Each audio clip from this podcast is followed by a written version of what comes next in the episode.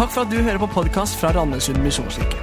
Denne talen er spilt inn på en av våre gudstjenester på søndager klokken 11. Vi håper det du hører, kan være til oppmuntring i hverdagen, og du er hjertelig velkommen til å ta del i vår menighet. Gå inn på mkirken.no eller Randesund misjonskirke på Facebook for mer info. Det er utrolig eh, spennende å være her i dag. Og eh, tematikken eh, er jo henta fra en taleserie her om en enklere hverdag. Vi kan kjenne oss stressa, overvelda, full kalender. Det kan være mer fenomen på Vestlandet enn på Sørlandet, men livet kan være stressfullt. Og De to siste gangene så har vi hatt veldig veldig praktisk undervisning. I dag så skal du få en solid dose teologi. Og i, I store deler av talen så kommer det til å være en teologisk forelesning. Sånn at vi er tilbake på det sporet. Og så kommer det noe mot slutten. Men jeg har bare lyst, før jeg begynner med den, å si Du vet noe er galt når sønnen din kommer inn. 'Pappa, du må ikke bli sint når jeg forteller dette her.' Eller lov meg at du ikke skal kjefte på meg når jeg bare skal si noe. Og, og så kommer det all slags Og du vet, dette blir bare ikke bra. Så i dag så skal vi erklære en skyldfri sone her. Og det er sånn, ok, det er akkurat det samme. Men en skyldfri sone det handler om La oss prøve et stykke tid og ikke ha alle barrierer oppe og alle spørsmål. Det kan være det kommer litt lenger uti der, men vi skal dukke inn i noen ting. For det handler ikke om å skamme oss, men å se på fakta. Om det kan treffe. Og, og det er litt sånn av og til òg at en kan kjenne ah, det der vet jeg ikke helt. Så en skyldfri sone det handler ikke om at du nødvendigvis skal kjenne så mye nå. Vi skal ha et teologisk studie. Og vi kommer til å være mye i Gamle testamentet i dette, og så flipper det. ok? Så innenfor en skyldfri sone. Så leser vi fra andre Mosebok. Jeg har ikke dette på teksten. Beklager, jeg glemte den. Men det står dette. Og når sønnen da siden spør deg hva skal dette bety, så skal du si til ham med sterk hånd førte Herren oss ut av Egypt, ut av slavehuset, da farao gjorde seg hard og ikke ville la oss dra. Da slo Herren i hjel alle førstefødte i Egypt, av både mennesker og dyr. Derfor ofrer jeg til Herren alt av hanskjønn som åpner morslivet, men hvert førstefødte sønn skal jeg løse ut. Det er noe av teksten. Og så står det gjennom Mosebøkene om å ofre til Gud det førstefødte hanskjønn, det som var lyteløst. Men det var noen dyr som var ureine. Esel er blant de, utrolig nok. Og så sa de istedenfor å ofre det, så fikk du en erstatningsdyr eh, som du ofra istedenfor, på vegne av. Og her er det første. Det er tre punkt på dette. her. Det førstefødte er ofra eller innløst. Ofra eller innløst. Så det rene dyret det, det ofres, mens det som var ureint, det ble erstatta med noe som representerte det ureine. Og hva i all verden har dette med oss og du eh, gjør i dag? Vi som bor eh, i en by eller i nærheten. Vi ikke har så mye med jordbruk og husdyr sånn på den måten å gjøre. Førstefødte katten skal du slippe å ofre. Det er noe med at Disse prinsippene i Skriften det, det gjør noe for oss kristne. Det er med prinsippene vi er på jakt etter, ikke nødvendigvis ordrett her. Og Dersom vi leser resten av Bibelen, så ser vi at det er noen ting som følger hverandre. Det vi må huske, det er at dersom det er rent, så blir det ofra. Men dersom det er ureint, så erstattes det av noe som er rent. Ok? Men hva betyr egentlig det? Så her er spørsmål nummer én til deg, og du trenger ikke å svare, for jeg kommer til å svare på alle spørsmålene. Når du og jeg ble født, ble vi født rene eller ureine ifølge Bibelen? Vi ble født ureine. Med synd kom inn i verden. Og det står når selv dere som er onde, vet å gjøre gode ting, så ser vi at vi er ureine. Vi har masse bra, masse av Guds natur, men vi er ureine. Vi har synd i vår natur. Vi har tilbøyeligheter, som noen kaller det, til å gjøre feil ting og gå over vei. Så kan du protestere litt mot det. Men det fins noen eksperter på dette området i salen, og de er kalt for foreldre. Og hvis du er en forelder, så vil jeg bare spørre deg dette spørsmålet. Måtte du lære ungene dine å gjøre gale ting?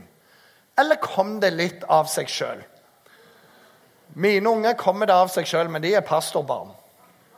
Eksploderer i sinne. Det er mitt. Det vil jeg ikke dele. Jeg er utrolig redd for den tingen der. Og alle de andre tingene, når de lyver og ikke lyver i det hele tatt.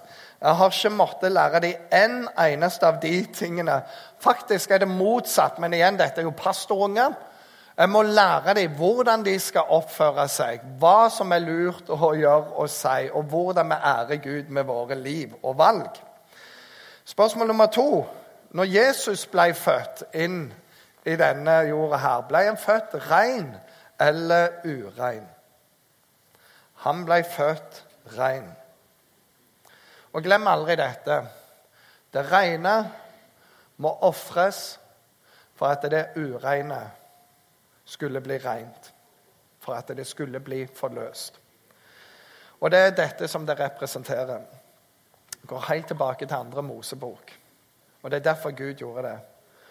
Og vi forstår at det er Gud sin Jesus er den førstefødte. Og den førstefødte måtte ofres. Og om du vil, noen sier det på denne måten her Jesus er Guds tiende. Og her er forklaringen. Gud sa aldri Vent til du får ti lam, og så ofrer du det du vil. Antageligvis det lammet som ikke kommer til å klare seg uansett. Nei, han sier du ofrer det førstefødte lammet før du har fått noen andre lam. Og resten skal være velsigna. Og det er prinsippet. Det førstefødte, ofre det. Og det er en spore til velsignelse for resten. Og måtte det komme det som kommer. Ellers så ville resten være forløs. Og dette er det prinsippet vi snakker om òg når vi snakker om tiende. Det er de ti første prosentene. Og det er prinsippet om tro som bringer velsignelse til resten av våre liv. Og det er sånn, Vi betaler ikke våre regninger først for å se om det er noe til overs til Gud til slutt, hvis det skulle være det. Vi bringer Gud vår første 10% Og så stoler vi på at han er med oss og velsigner oss. Og tilbake med prinsippet om den førstefødte. Gud sa, 'Gi meg det første i tro, og så vil jeg velsigne resten'. Det er òg grunnen til at flere andre kan si at på en måte så er Jesus Guds tiende. For Gud venta ikke med å gi Jesus til oss til vi hadde skjerpet oss, blitt bedre, gjort alle gode ting. Det står dette i Romerne 5,8. Mens vi ennå var syndere, så døde Kristus for oss. Mens vi var syndere, så døde han. Det skjedde underveis. Jesus døde mens vi slo på han, spytta på ham, nagla han til korset. Der dør Jesus, ikke når vi ble gode. Og på den måten så sier de derfor er han Guds tiende. Gud ga han. Så du og jeg som er født som syndere inn i verden, vi er som dette eselet som måtte forløses med noe som er rent. Og Jesus er vår løsningsmann, som det står. Han ble ofra for oss, sånn at vi kunne gå fri. Og Jesus betalte for ditt liv, og Jesus betalte for mitt liv med sitt eget blod, med å gi sitt liv for oss. Gud ofra det mest lyteløse lammet i verdenshistorien for deg. Og han venta ikke. Han venta ikke, han bare ga det. Og han ga oss et forbilde på det. Og så er det noe i dette prinsippet her med gi først, og så vil jeg forløse utover deg. Og Jeg vet om noen menigheter som gjør dette på forskjellige måter. Noen sier test Gud i tre måneder på å gi hele tienden din. Og hvis du ikke opplever at du blir velsignet, skal du få alle pengene igjen. Og vet om en menighet også, som gjør det med et helt år Jeg tenker stakkars de som jobber med økonomien i den menigheten. For de må holde det et helt år. Men de sier det. Det er Gud som sier dette her. Og så gir det tilbake igjen. Og det er dette Gud sier i Malakia 3.10. Og, og dette er litt sånn Du har lest deg gjennom hele Gamle testamentet. Du kom til den aller siste boka. Det er to kapitler igjen, og så kommer det. Og det Er bare sånn, er det mulig? Helt til slutt der. Og han sier, 'Test meg. Prøv meg.' Og det står dette. 'Kom til meg med hele tiden din til for, forrådskammeret, så det finnes mat i mitt hus.' 'Prøv meg på denne måten', sier Herren over herskeren. 'Jeg skal sannelig åpne himmelens sluser og øse over dere velsignelse uten mål.' Det er rimelig bra velsignelse. Den som eter opp, skal jeg skremme bort fra dere, så de ikke ødelegger åkrenes grøde og vinstokkene på marken, og ikke kaster frukten, sier Herren over herskarene. Det løftet, og det er den eneste plassen i hele Bibelen Gud sier 'test meg på dette'. Og så er Noen sier det Gamle testamentet. Ja, men det er ganske så mye annet i Gamle testamentet som funker bra i den dag i dag. Og er det, Hva er det mest vanlige grunnen til at vi ikke da bringer denne tienden? De aller fleste sier 'jeg har ikke råd'. Jeg har egentlig ikke råd til det. Men har du da råd til å la være? Eller hva om du begynner å praktisere selv om du kjenner at du ikke har det, og så begynner å se etter Guds velsignelse? Jeg må òg legge til en parentes i akkurat det. Jeg kommer fra en veldig ikke rik familie i min oppvekst. Og vet noe at Av og til må du gjøre noen steg, men det å komme seg i den posisjonen så fort som mulig at nå kan jeg gjøre. For Det første prinsippet er at det førstefødte offer eh, Det førstefødte er ofra eller forløst. Og Dette prinsippet går gjennom Bibelen. Og vi er forløst gjennom Jesus. Det andre prinsippet er det. Den første frukt å ofre. Akkurat plante en eh, frukthage der jeg bor. På alle ledige plasser der planter jeg epletrær. Og den første frukt skal ofres til Herren, står det. Det står Gi Herren ære med det du eier, med førstegrøten av hele din avling. Da skal din matbod fylles opp, presskummen renner over av vin.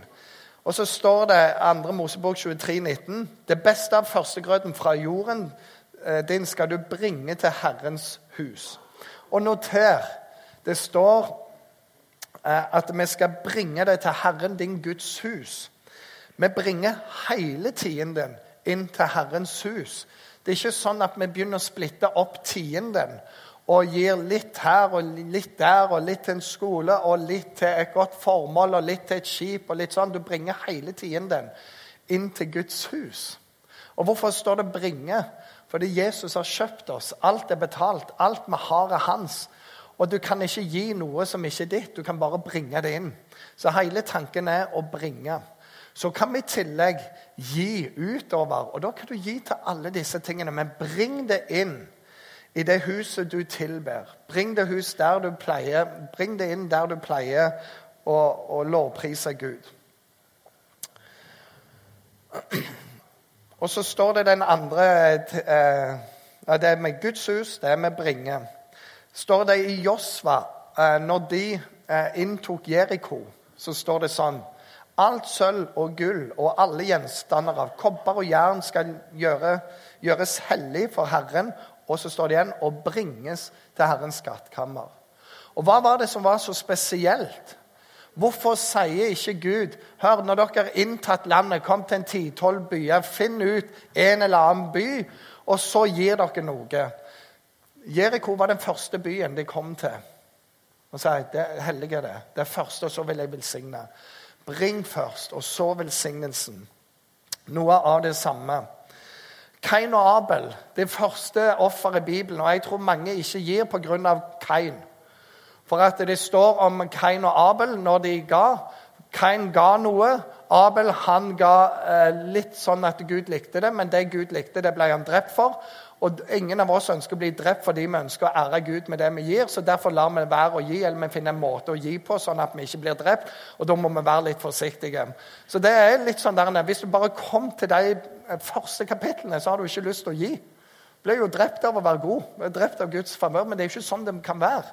Men hva er det i denne teksten som gjør at Gud velsigner det ene offeret og ikke enser det andre? Og Hvis du nå har fulgt med på hele greia her, så står det Og jeg har strekt unna noe, det skal du egentlig ikke gjøre, ok? men jeg har gjort det. Da det var gått en tid, hendte det at Kain bar fram for Herren et offer av åkerens grøde. Også Abel bar fram et offer av det førstefødte dyrene, fra småfe og fettet på dem. Herrens, Herren så med velvilje på Abel og offeret hans, men Kain og hans offer så han ikke på med velvilje. Kain var en jordbruker. Han dyrka korn, og etter en stund så ga han av noe sånn som han hadde lyst til. Abel han gav det førstefødte. Og når du gir av det første, så er prisen høyest for oss følelsesmessig. Og Herren elsker det offeret. Og det er noe når vi sier ja, men jeg gir når jeg vil, hvordan jeg vil. Og var en som sa det til sin pastor. 'Pastor, jeg gir det jeg føler meg leda til, ikke noe sånn som det der.' Så sa han til pastoren videre og så elsker jeg min kone når jeg føler leder meg til det. det var Pastoren sa det til han. Du føler deg ledet til å være elskende, elskende kone av og til. For Bibelen sier vi skal legge vårt liv ned for våre koner og til Herren, og vi skal bringe noe til Guds hus. Vi forlater han pastoren der. Han hadde ikke så mye å si. Greia med Gud er at han aldri gjør noe utenfor sin karakter. Det står han er i går og i dag den samme ja til evig tid. Gud er uforanderlig. Han kan ikke forandre seg. Det er derfor det står om Guds uforanderlighet. Og hvorfor kan han ikke det? For hvis Gud kunne forandre seg, så kunne han blitt bedre. Og Da var det rom for forbedringer. Men han kan ikke bli bedre fordi han allerede er best. Gud kan ikke bli bedre, for han er best, og derfor kan han ikke forandre seg. En annen ting om Gud. Han kan ikke tenke på den måten som vi tenker. Han er allvitende, og ordet kommer fra to ord som betyr all og kunnskap. Han har all kunnskap. Han har det allerede. Gud vet alt, og Gud vet alt samtidig og alltid. Sagt på en annen måte Gud kommer ikke på noe. Det er litt sånn om du skulle si Gud sier, å, her er det en ting jeg ikke har tenkt på. Du, har en ny idé her for dagen. Hva om? For Det står i Jesaja-teksten mine tanker er ikke sånn som deres tanker. Som himmelen er høyere enn jorden, sånn er òg mine tanker høyere enn deres tanker, sier Gud. Så det er noen ting Gud ikke kan gjøre. Og det er noen ting aldri kan eh, gjøre, fordi Gud er nummer, han kan ikke være nummer to. Han er nummer én. Han er best. Han er høyere enn alt, overalt før alt, først av alt. Gud er størst. Og han vil ha den førsteplassen fordi han fortjener det. Det er hans plass. Så når vi gir, så vil Gud at det skal være av det første. Så poeng nummer to det første fødte er ofra eller innløst. Det andre, første frukten, er ofra.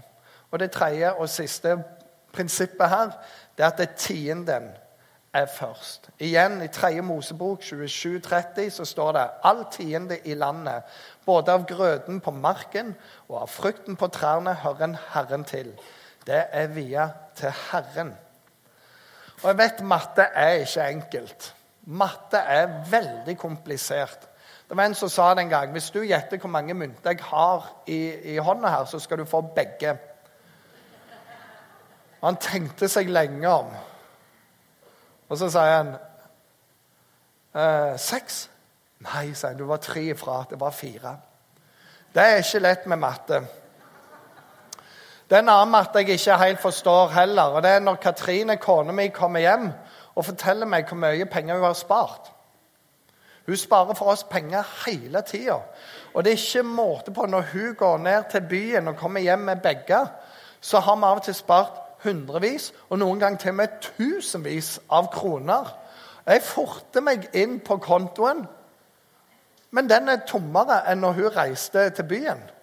Men i dette mattestykket så er vi så heldige, For det var salg på et salg, og når du la i sammen, så sparte vi enda mer. Så det var bare til å kjøpe, sånn at vi kunne ha råd til utrolig mye. Matte er ikke enkelt. Og så kan du jo spørre, da, hva, hva er tienden av 100 kroner? Og her er greia du flytter kommer en plass. Det er 10 kroner er tiende av 100 kroner. Det var matte. Jeg vet dette er avansert. Begge seks, fire, tre. Flytte, kom med en plass, så har du tienden. Spørsmål to. Hvis du da fortsatt hadde hatt hundrelapper i hånda Det er jo mange som ikke vet hvordan de ser ut lenger, og at vi har skifta valør på eh, sedlene. Men hvis du hadde ti hundrelapper, hvilken av de hundrelappene er Gud sin, om du vil? Den første. Den som ligger øverst. Først til Gud, og så ut. Når du setter opp et budsjett, så setter du opp med Herren først, og så resten. Hvorfor? For du sier 'bring inn'. Jeg vil velsigne over deg. Telefonregningen den vil ikke velsigne deg. Den må betales. Jeg kan si litt om min svigerfar. Når de bygde hus Da var renta når han bygde, på 15,6% Det var ikke forbrukslån. Det var huslån på den tida. Og de sitter med alle regningene. Og de sitter, og På den tida har de to eller tre små. De fikk en til etterpå ble velsigna. Og så sitter de der, og så sier han mens alle de hører på Ja, hva gjør vi nå? Vel, vi gir til kirka det Gud skal ha først, for det er ikke våre penger. Og så bare overførte han det. Og så tok han resten, og så sier han så får vi finne ut hvordan vi løser dette, da. Og for deg på det vanskeligste så var det noen telefoner å ta og gjøre noen avtaler. For min kone som ikke var mange år, så var det lærdommen for resten av livet. Å sitte med far og mor så sa det var noen ting som bare var ute av det spørsmålet der. For det var tienden hørte Herren til. Det var aldri debattert. Det var bare sånn. Og det har fulgt de siden. Det å få sitte der. Og Av og til så tror jeg Gud gjør sånn med våre liv for å sjekke våre hjerter og hva vi vil. Og så er det noe til eksempel for andre der. Og for oss i dag så er det kanskje at du setter opp en autogiro. At du får det den dagen du får lønnen din. Bare sett over. Det rare med de første pengene er ikke de du merker. Det er pengene på slutten av lønna eller på slutten av måneden. De merker du ganske mye mer. Men du merker det ikke på den samme måten. Og Vi snakker ikke om legalisme her, for det preker vi ikke om. Vi snakker om en hjertesholdning. Det er noe helt annet. Siste bibelverset var det jeg begynte med. Og nå når sønnen spør deg hva dette skal bety, skal du svare med sterk hånd førte Herren oss ut fra Egypt, fra slavehuset. Da farao gjorde seg hard og ikke ville la oss dra, slo Herren i hjel alle førstefødte i Egypt, av både mennesker og dyr. Og derfor ofrer jeg til Herren alt av hannkjønn som åpner om morslivet. Men hver førstefødte sønn løser jeg ut. Det er noe, og Herren har løst oss ut. Og noen her har noen sånne fortelle personlig. Herren løste meg ut. Herren forandra livet mitt. Herren greip inn. Og for noen av oss så er det sånn. Men jeg har fått lov å leve med Herren. Han har beskytta meg. Han har ledet meg. Når jeg gjør det feil, så kan jeg si hvem sin skyld er. Det er ikke hans. Det er, rimelig mye nærmere meg sjøl. Det er et spørsmål om hjertet og et spørsmål om ønske. Når jeg var i Salem, så kom det ei ung som kom fra et annet land, og hun sa Kom på kontoret en dag. Ikke mitt, men til en annen. Og så sier hun Jeg har lyst til å gi tiende, men jeg har ingen penger. For jeg har ingen penger. Men jeg har lyst til å gi tiende. Kan jeg få lov å vaske kirka? Kan det få være min tiende? Og så syntes de det var ille, men de sa ja. For det var viktig for henne at hun fikk ofre noe til Herren. For det er en måte å si takk til Herren, du har løst meg ut. Takk, jeg hører deg til. Det er snakk om hjertet. Det er på vår side. Og så hadde de møte, og så sa de det er for ille at hun skal gå og vaske gratis. Så de satte opp et budsjett. Så sa du når du vasker, så skal du ikke vaske gratis. Du skal få så mye penger. Og så smilte hun enda mer, og så sier hun dette. Så har jeg da noe å gi tiende av. Skjønner du? Det er ikke snakk om legalisme, det er snakk om en hjertes holdning. Og så er det òg snakk om en annen ting. Stoler vi på Gud egentlig, eller stoler vi mest på oss sjøl? Jeg er ferdig med den teologiske forelesningen, og så skal jeg forsyne litt på slutten her. Det rare, syns jeg, når vi forkynner om tilgivelse, om forsoning og andre ting som jeg syns er bare noe av det innerste, mest personlige, så møter vi nesten aldri motstand. Men hver gang vi bringer opp økonomi, så kommer motstanden opp. Og det er en del som har sagt det sånn penger er den største konkurrenten mot Gud. Jesus bringer opp temaet og sier du kan ikke tjene to herrer. Du kan ikke tjene mammon, som er en pengegud, og meg. Du må velge mellom dem. Hvem skal være først i livet? For det rare med denne serien, enklere eh, hverdag og enklere liv, det er når Gud får lov å få førsteplassen, så kommer resten av tingene litt på plass av seg sjøl. Det faller litt på plass. Gjør det, og så kommer det på plass. Finansielt stress er noe av det mange kjenner som det høyeste stresspunktet i sitt liv. Men kan jeg da stole på Gud? Og vi snakker ikke om sånn eh, Engelskmenn snakker om prosperity-tale. Gi deg rik og sånne ting. Vi tar avstand fra det. Jeg tror ikke det er sånn at hvis du gir Gud en hundrelapp, så får du en tusenlapp. Men vi tror at vi er velsignet. Vi var under forbannelse, men Jesus ble løfta opp på det som heter forbannelsens tre, for at vi skulle være kvitt forbannelse i våre liv. Og Så får vi lov å bringe inn og si takk til Han som har satt oss fri i, fra all forbannelse. Og hvis du tror at vi er etter pengene dine, så gi til en annen menighet. Gi, bare gi til en annen menighet. Bring det inn i Guds hus. Gi det til en annen menighet. Det handler om hjertet ditt. Det handler om at du stoler på Gud. Vi tror at vi står i et arbeid som er utrolig viktig. Verdens håp er Jesus. Og Jesus har sagt han vil bygge sin menighet. Og vi er en Herrens menighet. Bring det inn. Bring det inn. Og det står 'bring hele tienden'. Bring det til menigheten. Bring det så Guds arbeid kan bli gjort. Og om du gjør det, vil Gud ta vare på det. står i teksten. Så er det noen som sier ok, men det er GT. Det er Gamle testamentet. Hvordan er det med Nytestamentet? Og så er det sånn å, Det meste Jesus gjør i Nytestamentet, det er du har hørt det sagt sånn, men jeg sier dere, og så skrur han det til så blir det på et helt annet nivå. Skal jeg tilgi tre ganger? Ja, syv ganger for å ta i siden det er Jesus? Nei, 70 ganger sju. Han bare bringer en helt annen dimensjon.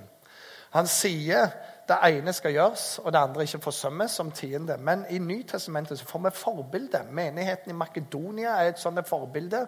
De var så fattige at de tenkte de trenger ikke være med å, samle inn penger. Men de ble jo rasende, for de sa tar dere ikke oss for å være kristne? Og de ville være med. Og så står det Så ga de ikke bare det vi håpte på, men de ga mer, langt over evne. Først ga de seg til Herren, og så til arbeidet. Og de ga en gave som bare monner. Så de er forbildet vårt. Og da snakker du ikke tiende lenger, du snakker et annet nivå. Bring tienden inn, og så kan du ofre hva enn du vil. Og så er det noe med dette til slutt. Eh, I Nytestamentet så står det òg andre korinterbrev. Kommer ikke opp på veggen. Men dette sier jeg deg, og det er snakk om penger. Den som sår sparsomt, skal høste sparsomt. Og den som sår med velsignelse, skal høste med velsignelse. Enhver skal gi som han har bestemt seg for i sitt hjerte. Ikke med ulyst eller tvang, for Gud elsker en glad giver. Og Gud makter å gi dere all sin gave i rikt mål, så dere alltid og under alle forhold har nok av alt, ja, overflod til all god gjerning. For det står skrevet sånn. Han strødde ut og ga til de fattige. Hans rettferd skal alltid vare. Han som gir såkorn til den som skal så, og brød til å spise, han skal også gi dere såkorn, og la det bære rikelig, og la deres rettferdighet bære rik frukt. Det siste som blir frelst, er lommeboka. Og ofte når du har gitt den, så kan du gi resten. Så utfordringen er der. Hvem skal du stole på? Og hvem skal være først i livet ditt? Skal vi be sammen? Himmelske Far, jeg takker deg for hele ditt ord. Og akkurat disse tekstene er ikke lette. Og de reiser mange spørsmål. Men så er det noe inni her som heter 'Jeg kan ikke tjene to guder'. Så er det noe inni her om å sette deg først. Og så er det noe inni her om å våge noen ting og stole på deg. Stole på at du velsigner resten. Jeg takker deg for alle de som har våget dette trospranget, som kan fortelle om alle de historiene om hvordan du på ulike måter griper inn i livet, velsigner, gjør noe helt rart som bare sånn Det der måtte være Gud. Jeg ber om at du må hjelpe oss alle til å gi økonomien til deg. Sette deg først i våre prioriteringer med penger. Herre, jeg ber om at det ikke skal være en sak om eh, hva de føler Kirka vil, men det handler om å stole på deg, regne med deg. Så må du hjelpe oss at du i tillegg til dette får lov å minne oss om ting vi kan gjøre, ting vi kan gi, for å være sjenerøse. For du ga alt til oss. Og når vi gir, så ligner vi på deg, Herre. Takker deg, Jesus, for du løste meg ut. Herre er urein, men nå har jeg funnet en ren og rettferdig, himmelen verdig. Herre, må du hjelpe oss å bruke våre penger på samme måte. Til bare med å forløse det du har for resten av verden. Jeg ber om det. Og så vil jeg òg, Herre, be for alle de som akkurat nå kjenner at det er med penger Du kunne ikke brakt opp et verre tema. Herre, jeg ber om at du skal løse dem ut. At du skal gi de gode rådgivere. At de skal komme seg i en annen plass. Der er det ikke stress nummer én i livet, men der økonomien begynner å jobbe for dem. Ber om det i Herrens navn. Amen. Amen.